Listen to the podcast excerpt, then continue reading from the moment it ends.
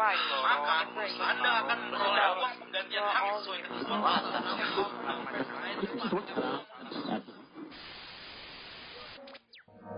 You're listening to Alsa Podcast.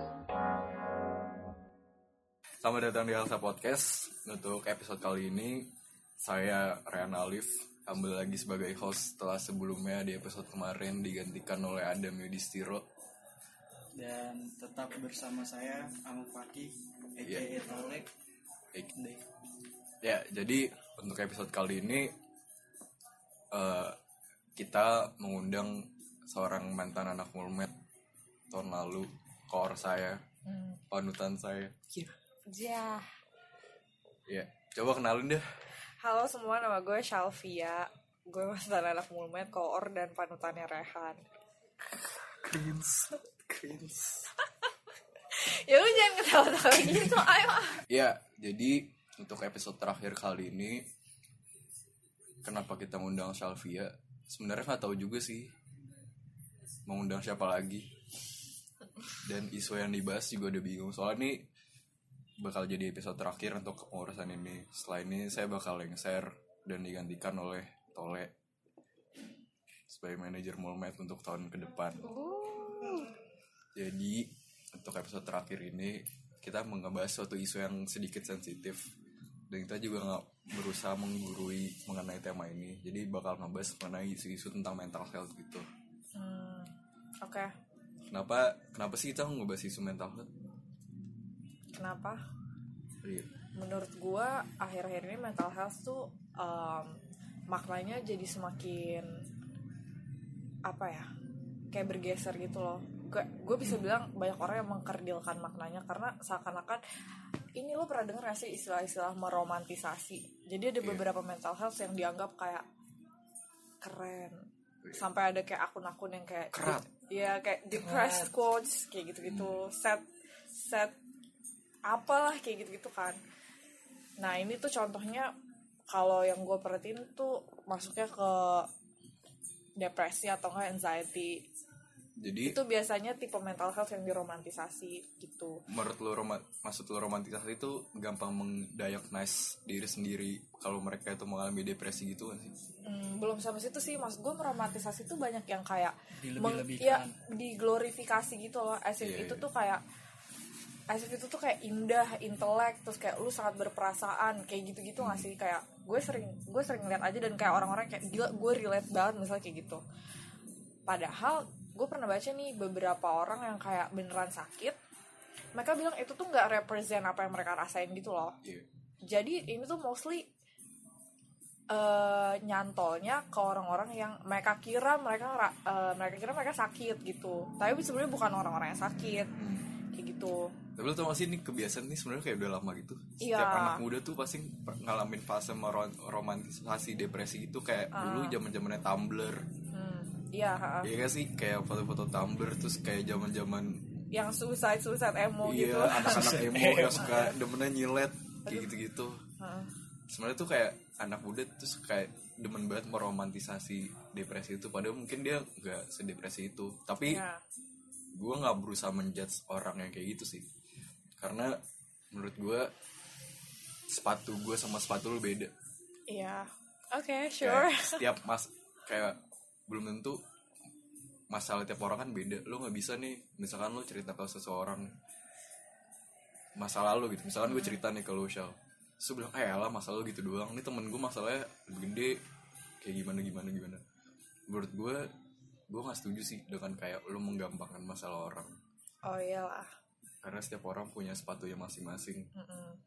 gitu. Oh iya.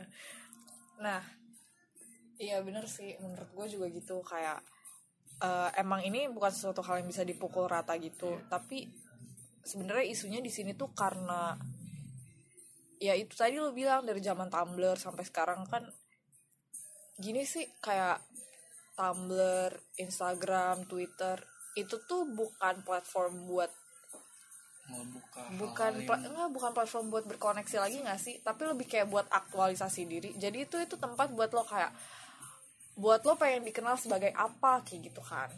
Nah jadi makanya itu eh, di mana lo bisa di mana lo bisa pengen kelihatan kayak gitu ya lo tampilkannya di situ di platform di platform platform itu kayak gitu kan.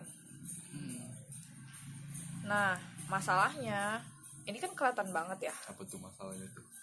Maksudnya tuh ini kan kelihatan banget nih yang terromantisasi yang kayak dianggap indah dan kayak keren dan kayak been through a lot kayak gitu gitu kan biasanya dep- depression sama anxiety. Hmm. nah terus gue tuh kayak pernah baca artikel gitu eh, di mana bebe- eh, beberapa orang karena sebenarnya mental health tuh gak cuma itu kan. Beberapa orang yang, yang kayak misalnya dia punya bipolar disorder terus kayak em, adalah sindrom-sindrom lain ya mereka merasa kayak mereka terpinggirkan gitu loh kayak oh iya gue nggak gue nggak pantas. Padahal ini kelihatannya orang-orang mulai acknowledge eh, isu ini tapi kayak mereka tetap nganggap gue orang gila. Tapi kalau orang-orang yang depression sama anxiety tiba-tiba jadi keren kayak gitu gak sih? Hmm. itu kayak gue gue lihat beberapa beberapa orang yang curhat tentang itu sih. Jadi mereka gampang maksudnya tuh jadi kayak nganggap ini keren apa kayak lebih gampang mendiagnosis diri sendiri depresi gitu sih? Nah, dari stigma itu menurut gua dari stigma yang menjadikan ini kayak tren gitu.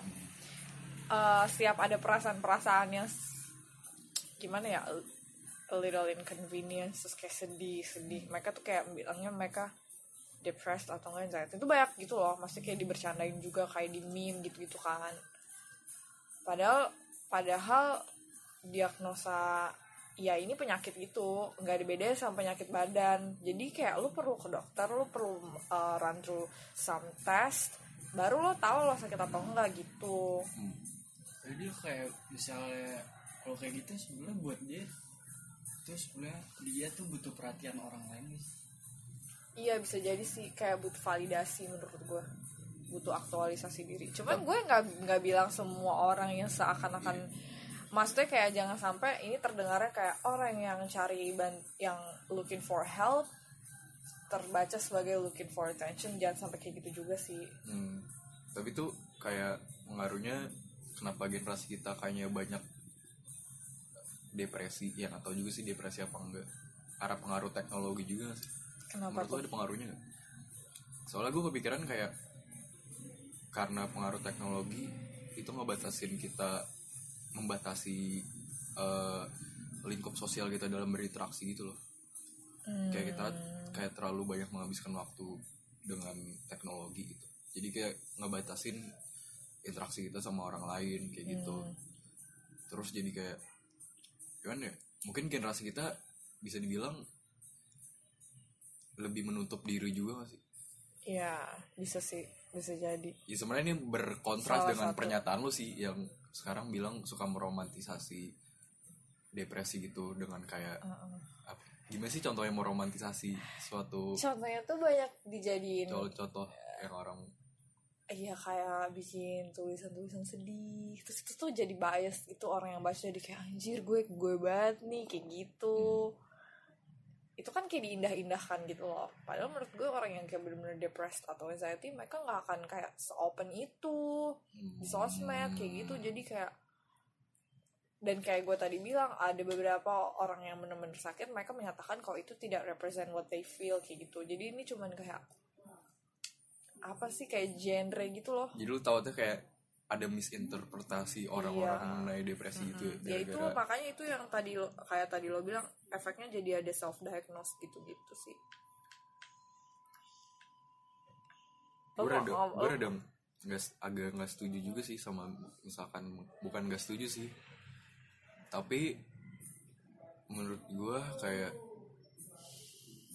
nggak bisa ngukur gitu loh. Kayak masalah orang seberapa gitu iya sure. Mm, gitu. Mm. terus kenapa nggak setujunya?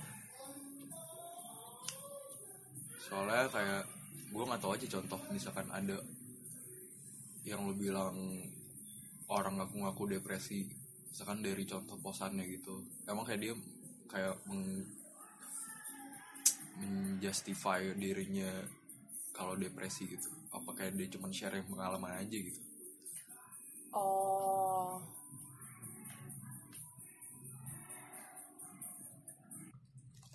ngebahas mengenai tren anak muda tren anak-anak generasi kita yang meromantisasi depresi ini. Sebenarnya tuh kayak pengaruh banget sih sama lingkungan sekitar lo. Kayak dari musik yang ada. Lu kan sekarang lagi zaman banget nih musik-musik kayak misalkan Hindia, Kunto Aji yang nggak bawa misalnya isu-isu mental health. Dan musik tuh salah satu medium yang paling kuat banget buat mempengaruhi orang gitu. Dan kayak gue jujur nih misalkan kalau gue misalkan denger lagu-lagu misalkan kayak Kunto Aji misalkan kayak gitu. Ya, ya gitu. Terus kayak jadi lu lebih gampang merenungi masalah-masalah lu itu gitu. Oh ya kayak anjir masalah gue banyak-banyak kayak bisa dibilang lu nggak sendiri gitu. Iya. Itu sih menurut gue salah satu sisi positifnya. Kayak misalkan lu ngerasain ada suatu masalah nih. Hmm. terus misalkan banyak orang sekarang udah mulai terbuka mengenai misalkan masalahnya gitu gitu dan lu ngerasa jadi kayak gue gak sendiri kok misalkan kalau ada masalah ini orang-orang ini juga kayak ada masalah gini gini gini. Dan lu jadi bisa tahu gimana sih cara bisa how to cope with all that shit. Eh, iya iya gue setuju sih kayak ya emang ada dua sisi gitu loh di social media. Kayak karena karena banyak orang yang udah berani terbuka ya jadi awarenessnya ber- bertambah bahwa itu kayak bukan Tapi- isu yang kalian mau nggak misalkan terbuka gitu mengenai masalah yang personal gitu? di sosmed? Iya misalkan di sosmed. Enggak. Gue sih tergantung purpose-nya sih. Kayak ada kan yang emang di dalam forum yang tepat gitu loh.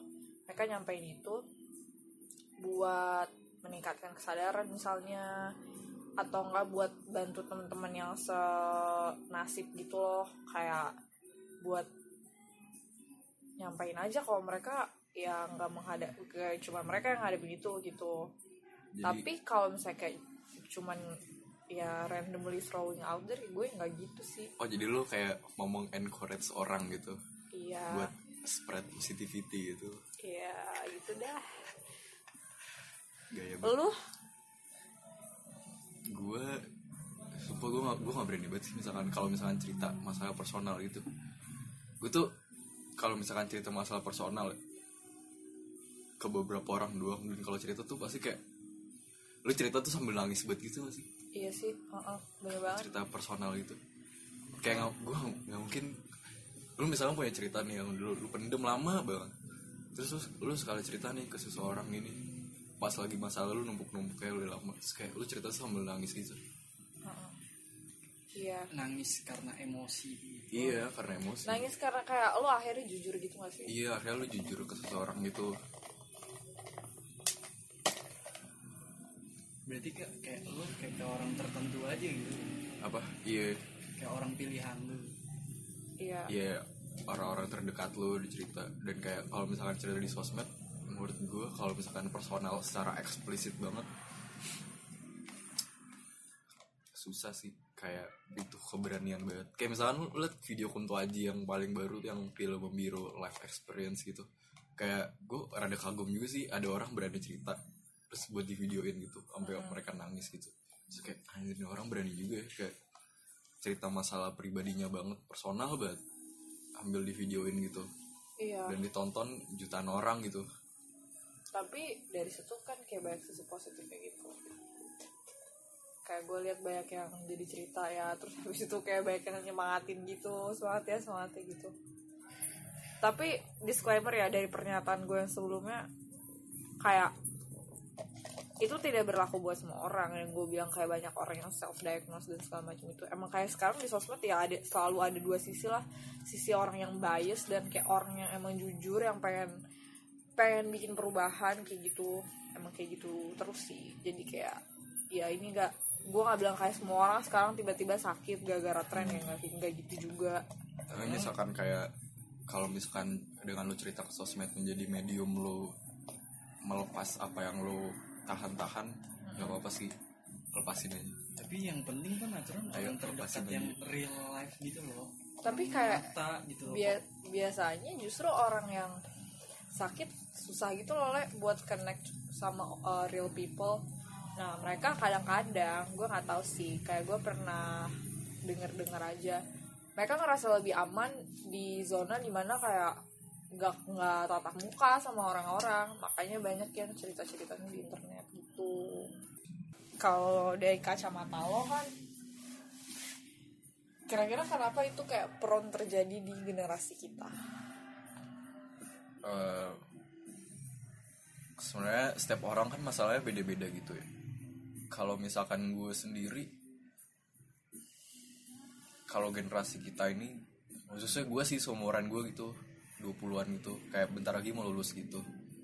Terus lo dibebanin nih sama ekspektasi-ekspektasi yang ada sama lo. Dari ekspektasi dari orang tua lo dari keluarga lo.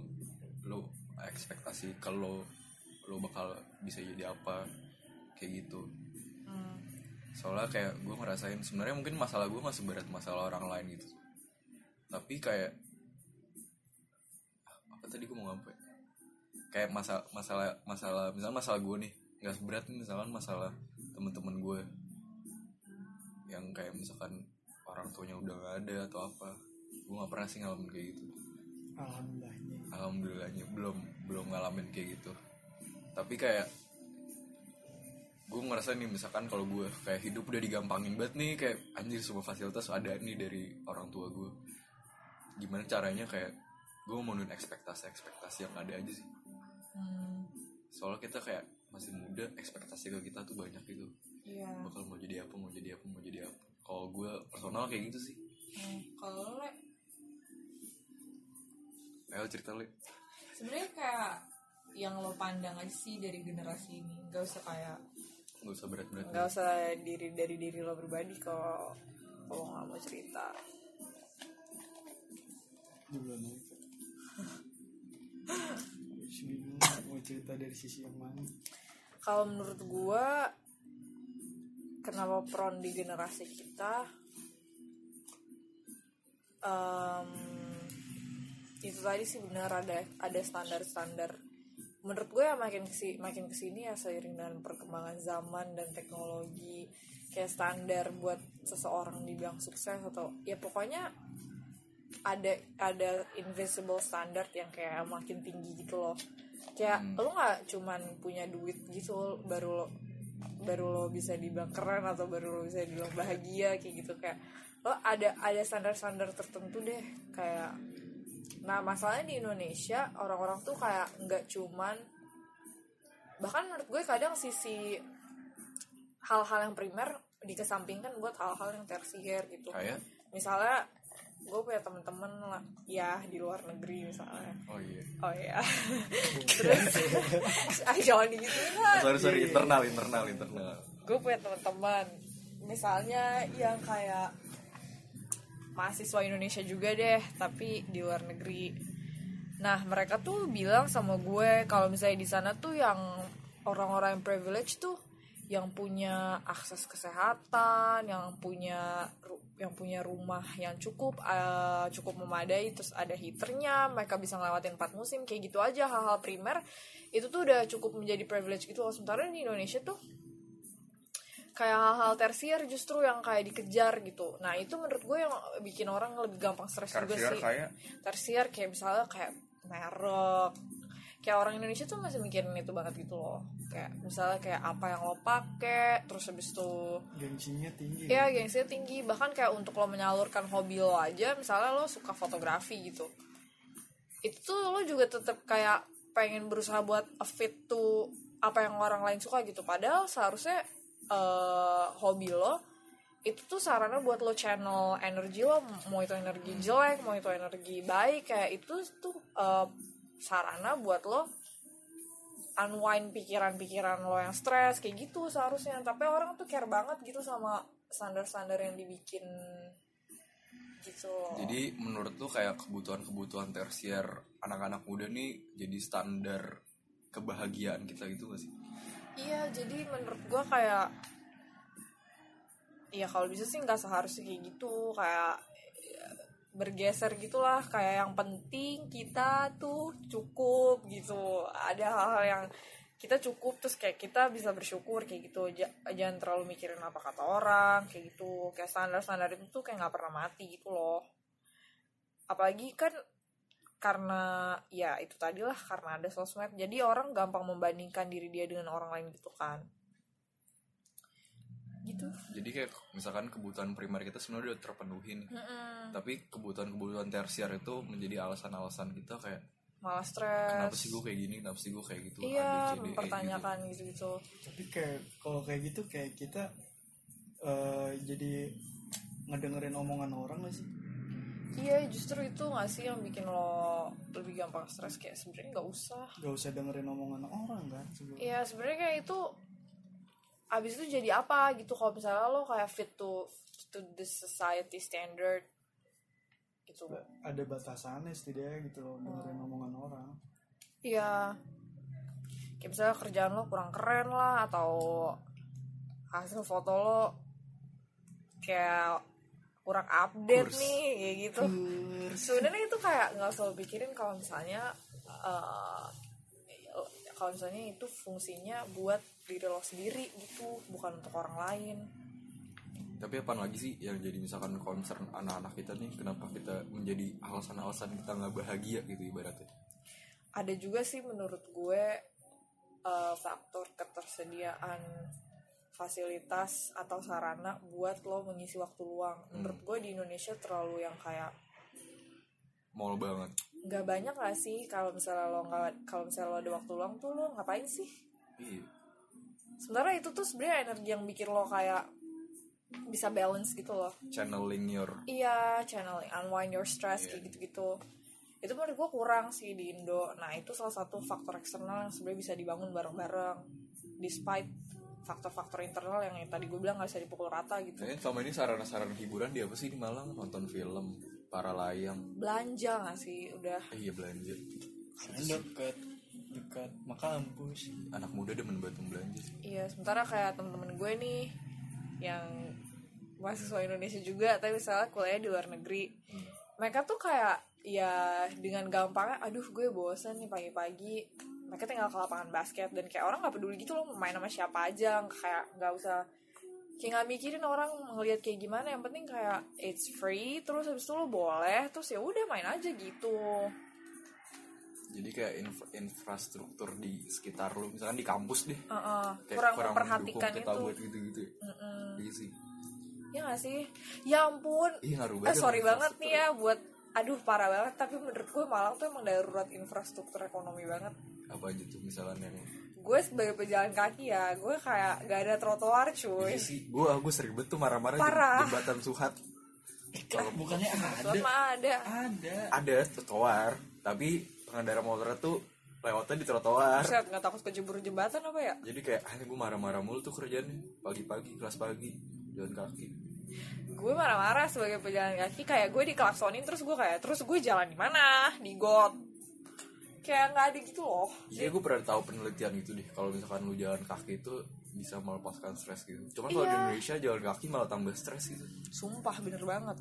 Gue nggak punya kendaraan dan gue kayak walking distance everywhere gitu Gue di Jakarta sering banget sih kalau kayak keliling kota itu tuh buat ngelepas stres gitu. Keliling kota jalan kaki ya. Hmm. naik komuter gitu-gitu tuh buat ngelepasin stres gitu. Mm-mm. emang enak sih Kalau sebenarnya misalkan di Malang kan, ya berarti infrastrukturnya masih kurang nih. Iya kan? tapi kita nggak nggak bisa kayak infrastruktur itu kita paksain buat kesenangan kita nggak sih Sebenarnya bukan kesenangan kayak dikit-dikit tuh bisa membangun ekosistem masyarakat yang lebih ini tuh. Iya.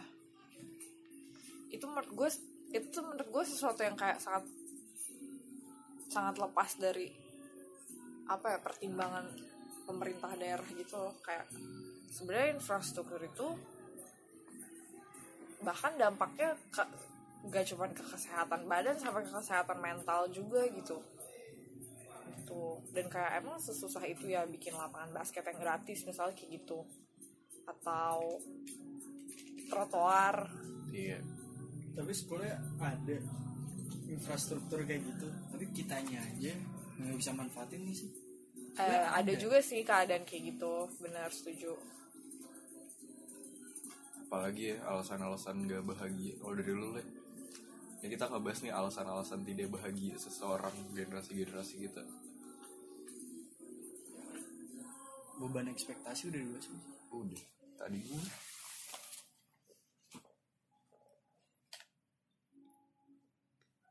apa sih alasan lo nggak bahagia itu doang nggak ada trotoar? Apa? Infrastruktur untuk mengisi waktu luang. Iya. Itu kan gak cuma trotoar. Lanjut Iya. ke segmen selanjutnya. Ja- eh ini lo nggak mau ngomong apa apa lek kayak kurang dukungan dari orang lain gak sih tapi Oh, iya. beda sama omongan dengerin omongan orang lain ya. Kayak orang yang ngedukung kita tuh dikit banget gitu misalnya tapi as kayak orang-orang ya bisa menurut lo kayak support system lo gitu ya? Iya. Tapi bukannya itu alaminya sih as you grow older emang temen lo makin dikit? Iya. Jadi kayak itu sebenarnya penting sih. Iya penting orang banget. orang dari orang lain yang terdekat jadi sebenarnya itu dibutuhin gak apa? Dukungan orang lain. Pasti butuh banget sih. Kayak kalau lo nggak punya tempat buat bercerita tuh ya lu cerita sama siapa? Itu sih jadi kebanyakan banyak orang malah cerita di internet gitu gitu nah. Ya itu bukan hal yang salah juga mungkin itu kayak bedanya generasi kita misalkan dengan generasi sebelumnya. Iya tapi kalau gue eh, gimana ya gue orang yang suka ngobrol tapi gue ngerasain gitu loh temen-temen gue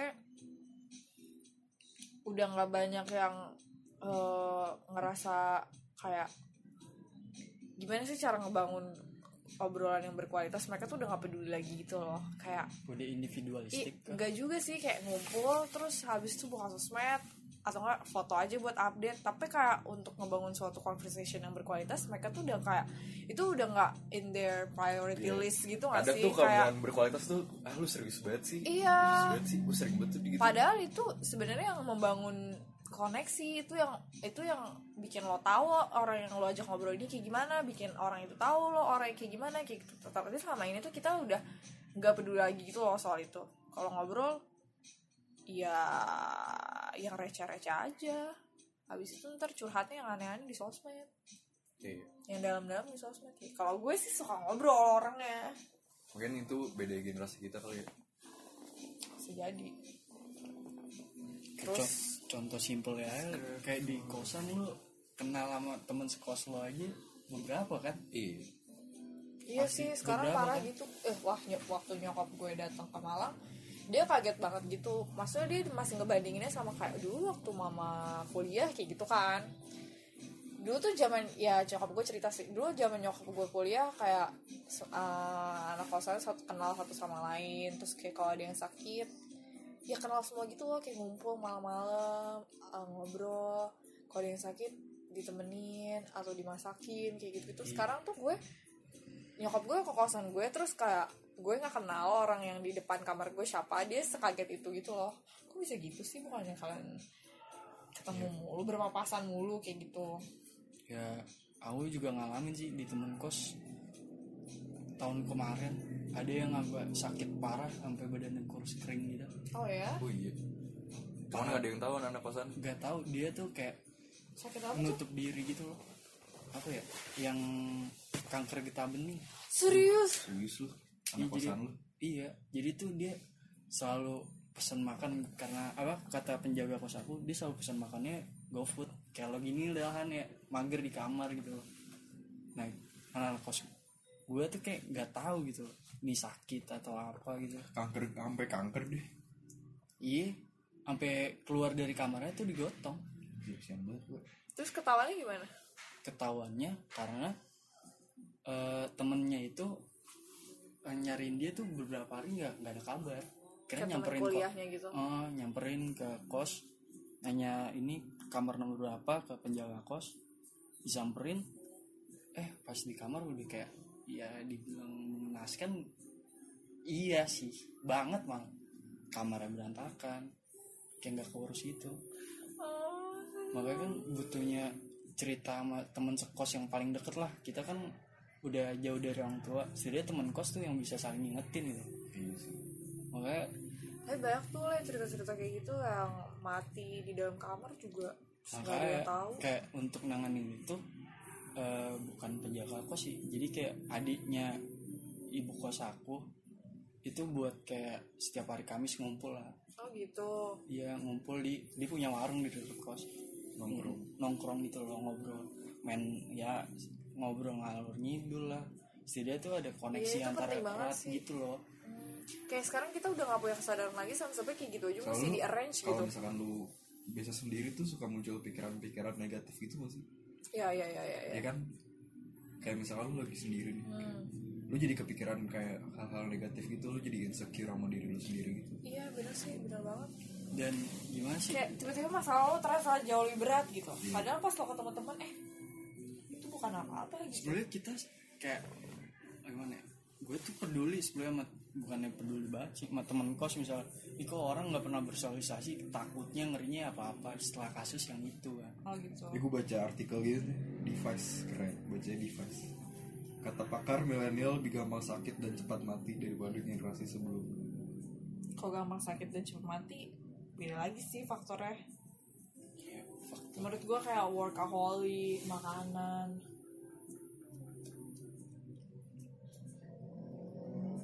berarti kok kayak gitu aspek sosialnya? Bersosialnya itu penting banget berarti kan sama yang mental. Iya penting banget. Sebenarnya si- simpel nyembuhin penyakit itu tapi dengan gila sih. bersosial. Tapi gue juga nggak paham sih kenapa orang Indo gengsian banget ya. Kayak lo di satu sisi kalau lo nggak ngajak ngobrol orang lain lo ada perasaan kayak takut ganggu gitu itu gak sih? Iya nggak sebenarnya enak deh. nggak tak ya tiap orang beda-beda ya. Kalau gue sebagai sobat introvert. Sabi. Kayak ya gitu kayak eh gue gak enak juga nih kalau misalnya sok kenal gitu gak sih? Makanya itu tuh padahal kayak term sok kenal tuh. Ah, nah. Anjing sok kenal banget lu. Harus dimulai nggak sih gimana pun juga. Mungkin lo em- emang agak sok kenal tapi kayak that's how you make friends. Dan emang lo butuh kenal gitu loh dan orang yang tinggal bersama lo apalagi dan orang Indonesia tuh terlalu nguntungin buat gua apa gitu. Iya Iya dan terlalu menurut gue juga terlalu ini sih. Lo ngobrol sama gue untungnya apa gitu? Buat gua. Oh gitu. Ada orang kayak gitu jadi gue gue ngapain bersosial sama lo? Gak ada untungnya buat gue uh serem sih kalau kayak gitu. Tapi banyak sih yang milih-milih gara-gara ya itulah hal-hal tersier gimana ya, apa ya udah membudaya? Hmm. kayak tahu ya makin gengsi jadi aja. manusia emang kayak dari awal tuh terakhir sebagai manusia yang sebagai makhluk yang egoistik gitu sih. Kayak setiap apa yang lo lakukan pasti pasti demi keuntungan demi lo. keuntungan lu nggak mungkin enggak. Kayak misalkan gue mau ngajak ngobrol lu misalkan deh gue ngajak ngobrol sesuatu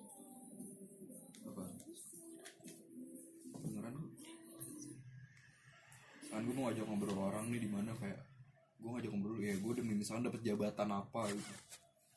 Kayak manusia tuh dari awal kayak terlalu egoistik gitu kayak buat memenuhi keuntungan dia aja gitu.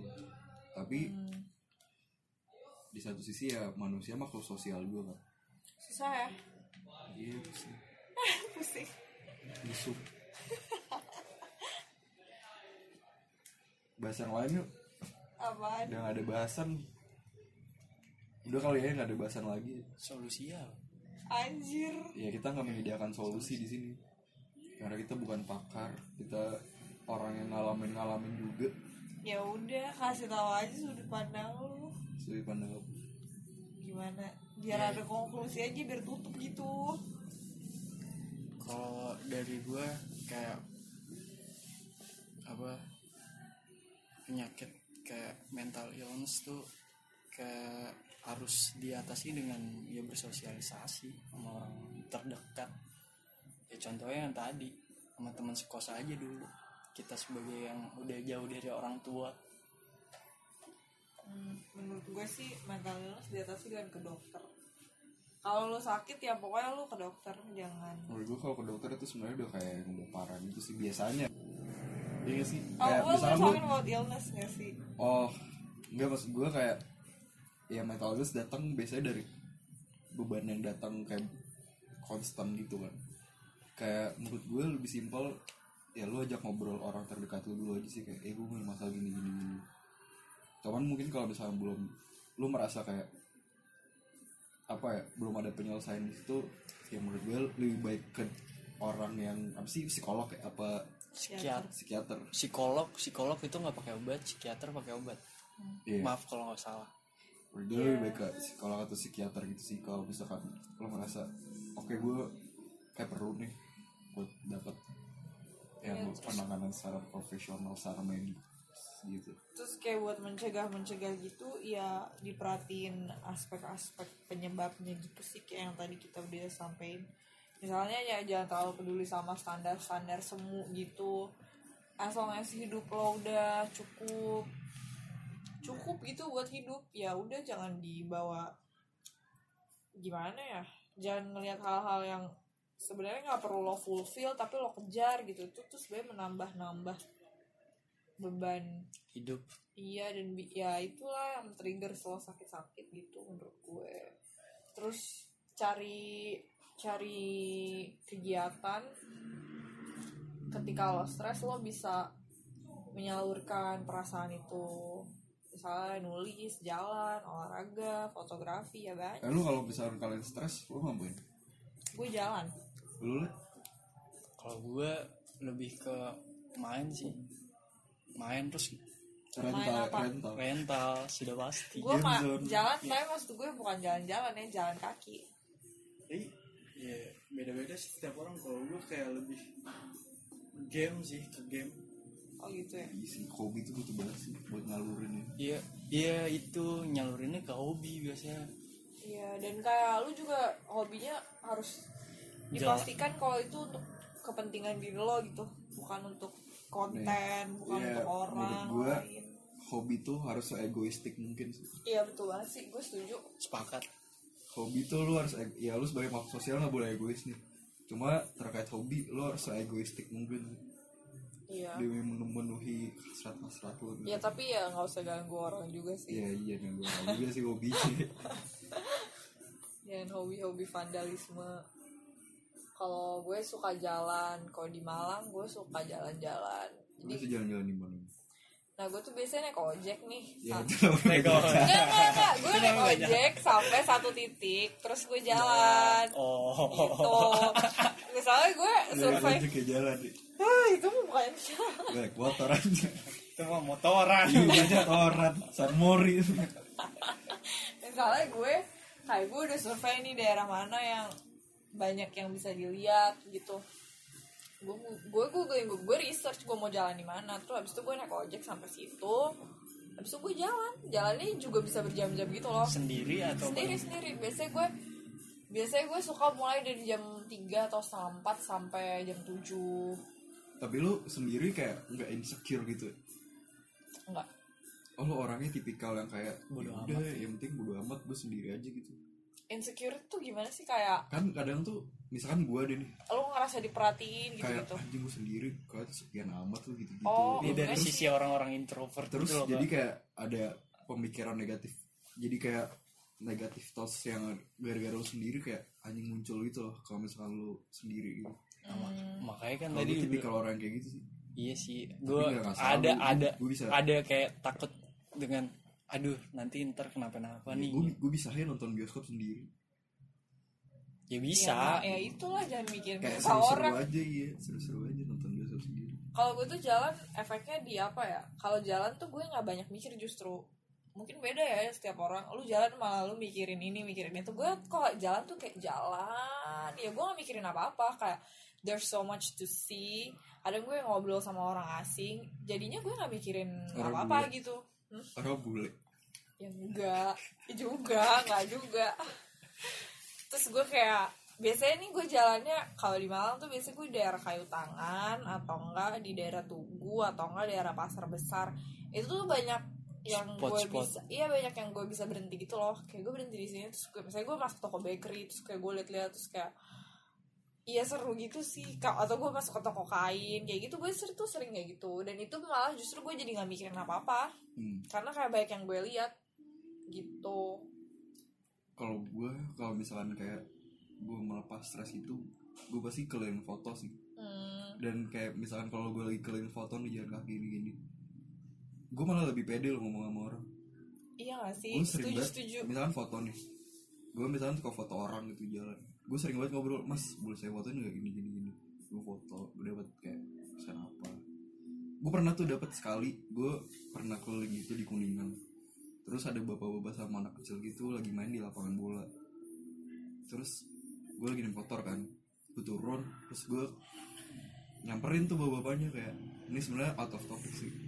Cuman ini kayak salah satu kayak anjir gitu.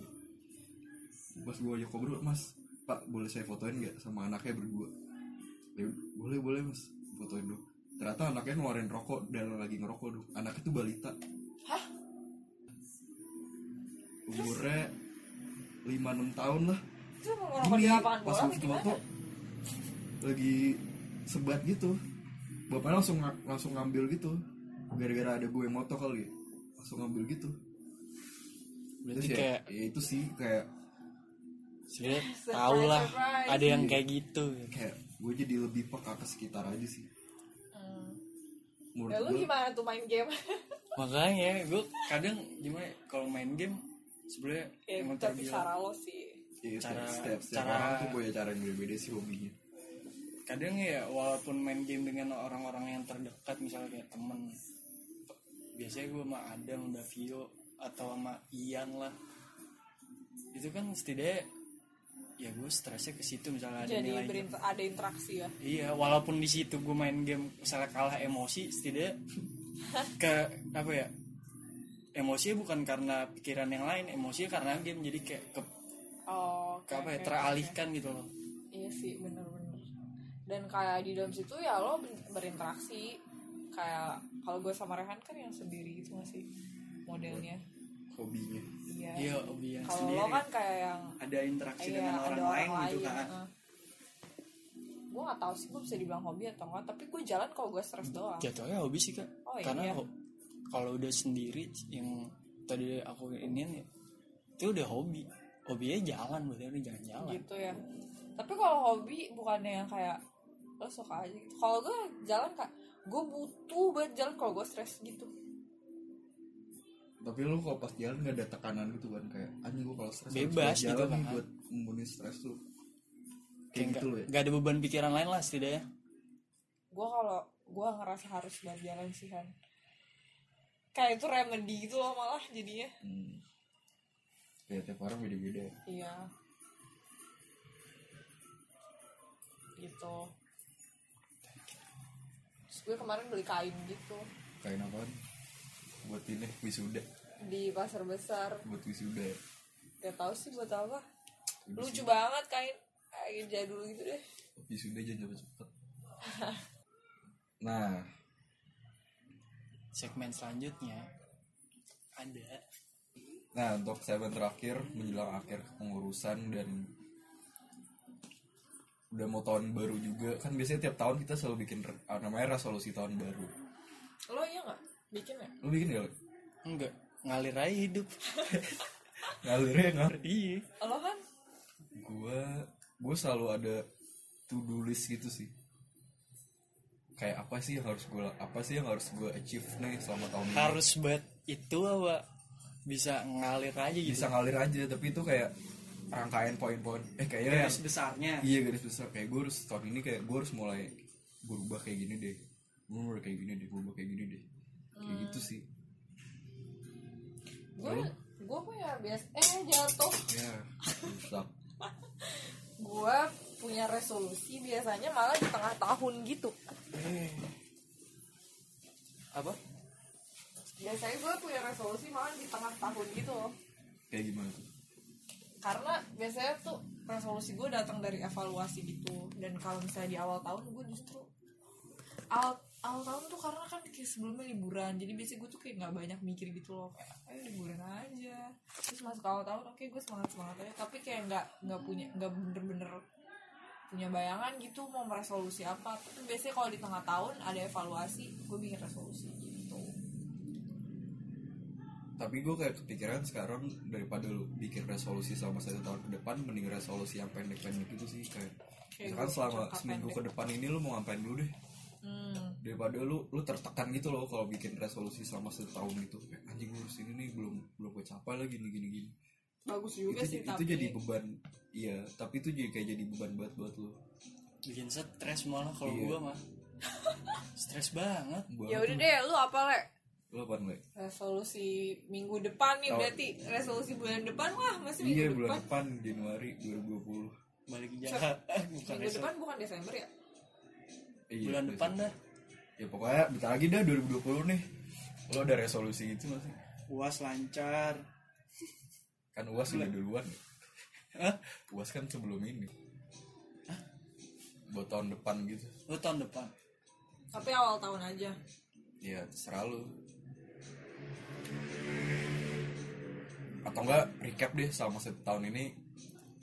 gimana Men- menurut sih menurut kalian tuh menurut kalian tuh gimana sih sama setahun 2019 ini kayak bucket list kalian tercapai gak? Apa kayak ada penyesalan penyesalan selama satu tahun ini?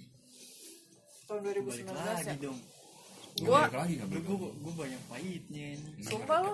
Banyak pahitnya gue tahun ini sumpah gue highlights of tahun ini magang sih Highlights of the year.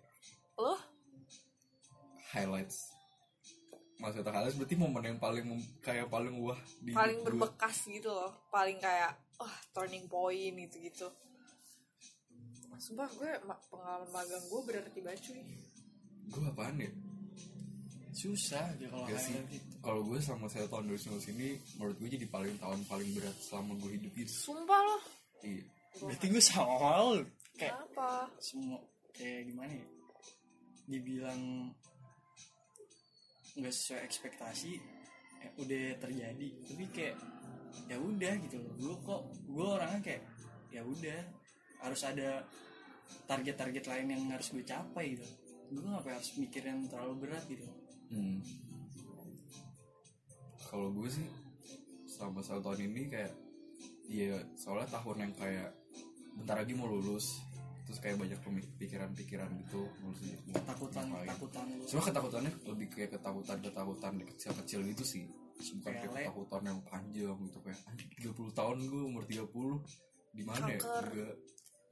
Astagfirullah. kanker. Astagfirullahaladzim Jadi amit-amit amit amit Amit amit.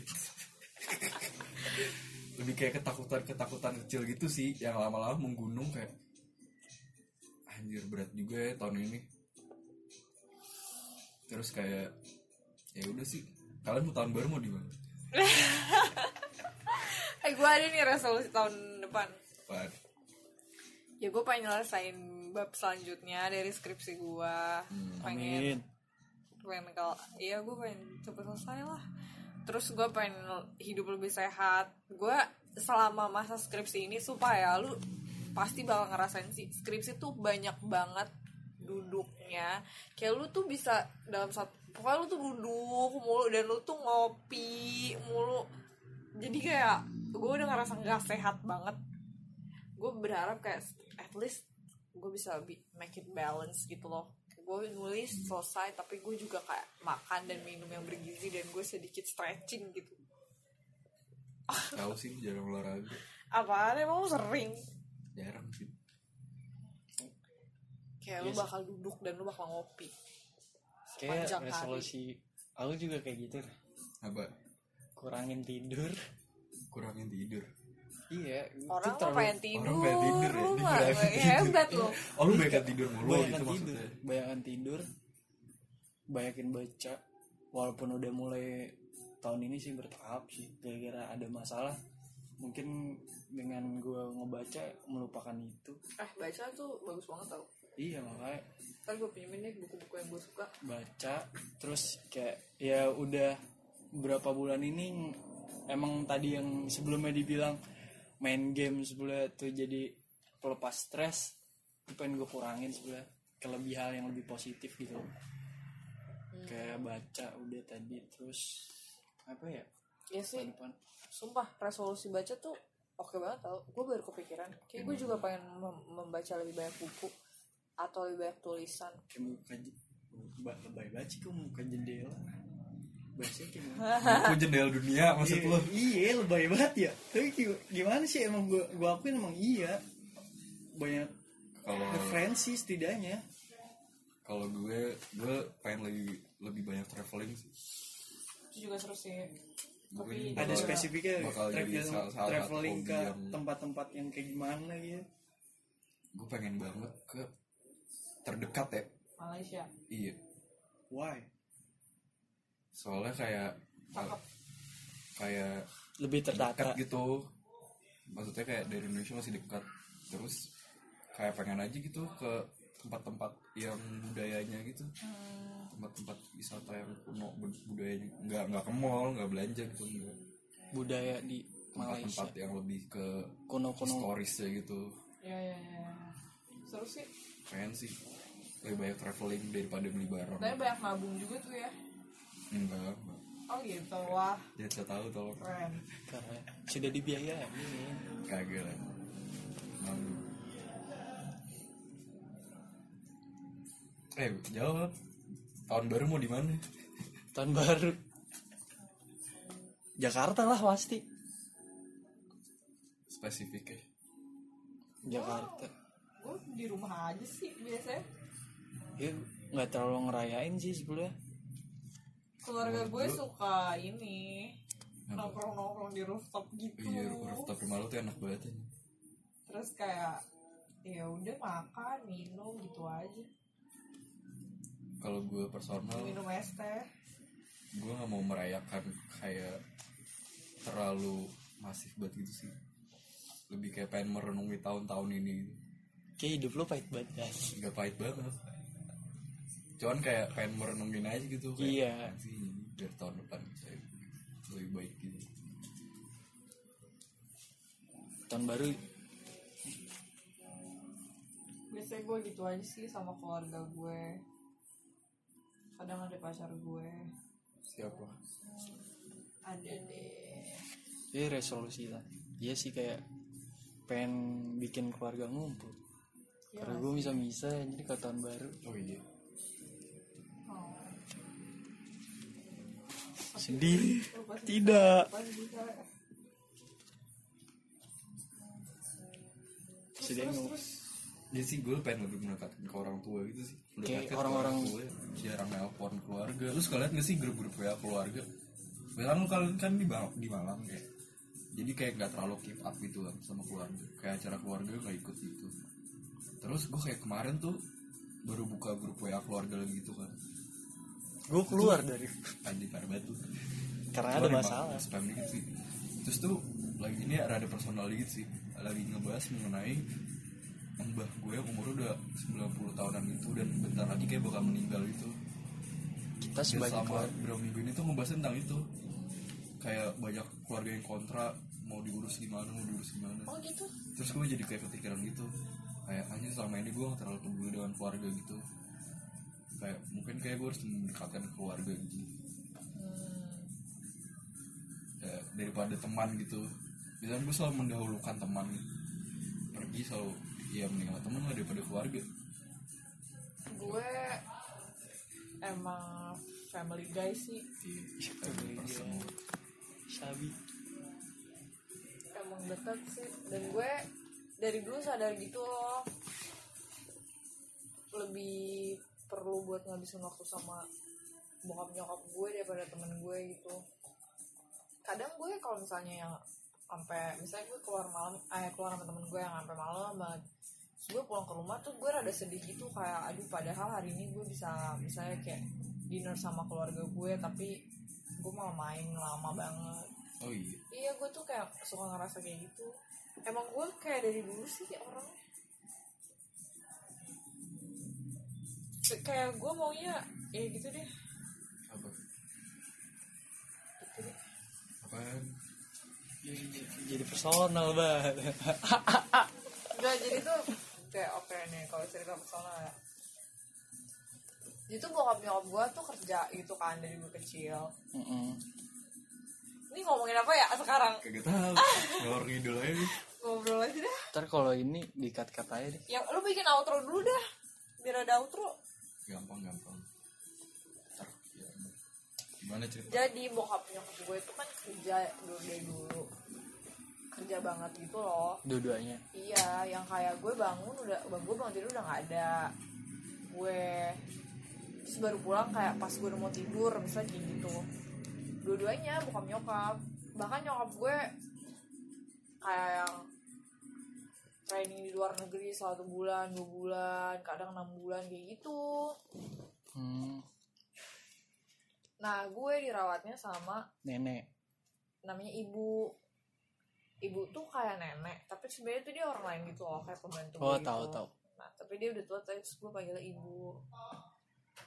Terus ibu gue meninggal gitu di rumah gue. Innalillahi kok jadi padahal dia, Set. dia tuh kayak orang yang nemenin gue banget gitu loh. Kayak bikin gue sarapan bikin gue sekolah kayak gitu. Nyokap gue kan enggak soalnya ya. Terus pas ibu gue meninggal nyokap gue jadi kayak rada pemarah gitu loh. Karena dia stres ngerti gak sih? Kayak banyak urusan kerjaan tapi kayak harus ngurus harus keluarga. ngurusin anak harus ngurusin rumah kayak gitu. Sementara gue belum belum belum gede buat bertanggung jawab banget gitu. Terus kayak pertamanya gue sebel banget tuh nyokap gue. Sumpah ada masa-masa gue kayak gue gak suka banget sama nyokap gue. Terus gimana? Terus kayak lama-lama gue kayak anjir tapi nyokap gue kayak pas gue udah mulai gede gitu kayak dia cewek gitu loh dia kayak dia banyak stresnya dia tuh manusia kayak gitu-gitu kayak. Terus gue jadi kayak sayang aja sama nyokap gue ya udah terus jadi lebih membaik. Lo kan? Apaan? kayak personal kayak, kayak personal. tahu nih udah nggak ngomong Eh, emang dari tadi gue gak personal, bah ayolah ngomongin apa lah kalau yang gue terlalu gimana ya? Apa? sedih banget gitu Jokate Siapa? kalau gue. Eh jangan ntar nangis nangis kita. Nangis di, di sini kok kamera lu kayak pakai filter sepia sepia gitu sih? Emang iya? ah sumpah Tua banget. Berminyak. Ya sih itu. Berarti itu resolusi keluarga berarti ya setidaknya lebih ke keluarga kita secara garis besarnya lebih mendekatkan diri ke keluarga kan? Iya sih menurut gue Karena kayak kita kan semua tinggal jauh gitu dari keluarga. Allah siap. Ke Tuhan dulu baru keluarga. Terus kayak Ya kalau gue sih Gue melupakan keluarga aja. Suatu hal yang penting. Karena kan kayak tadi Sylvia bilang kan kayak teman makin mengkerucut gitu. Cuman yang yang tetap stay sama lu sih. Keluarga. Fam Istri lu. family. Gue nunggu istri dulu. Family. Family kepanjangan dari apa? Nih. Friends ends. Family I love you apa sih Yan? Lu tau sih quotes quotes Google I think? Kayak family dihapus jadi tinggal il eh iya family I love you. Kalau friends? Ends ends Dah, itu resolusi untuk keseluruhannya berarti mendekatkan diri pada keluarga ya. Ya selamat tahun baru teman-teman Alfil UB Selamat Natal. selamat Natal selamat tahun baru selamat hari pahlawan selamat hari hari Sumpah Pemuda. Selamat hari student internasional hari ini. Oh iya. Tahu Ya, gue di posan Indonesia sih? Iya. semoga tahun depan iya lebih baik lah dari tahun ini. Lebih Amin. lancar urusannya. Amin. tidak banyak bersedih-sedih makin dewasa. Ya sedih-sedih boleh lah gitu. Podcast spesial hari ini terakhir. Ya emang isinya cuma ngalor ngidul doang. Jadi selamat muslok. Selamat menikmati tahun baru sebentar lagi. Selamat bersedih-sedih. Selamat berbahagia. Selamat menikmati Selamat menjalani. menggunakan UAS, selamat menjalankan skripsi buat mau skripsi selamat selamat Selamat selamat dah. Selamat deh apabila resolusi kalian selama tahun ini telah tercapai. Apabila belum, semangat masih ada tahun depan. Kita coba lagi. Yuk semangat yuk. yuk bisa yuk Ya bisa yuk. Saya Ahmad Fakih, Eke Etole. Saya Renalif Ramadan. saya Shalvia Inga Indira Wassalamualaikum warahmatullahi wabarakatuh. maka Anda akan memperoleh uang penggantian hak sesuai ketentuan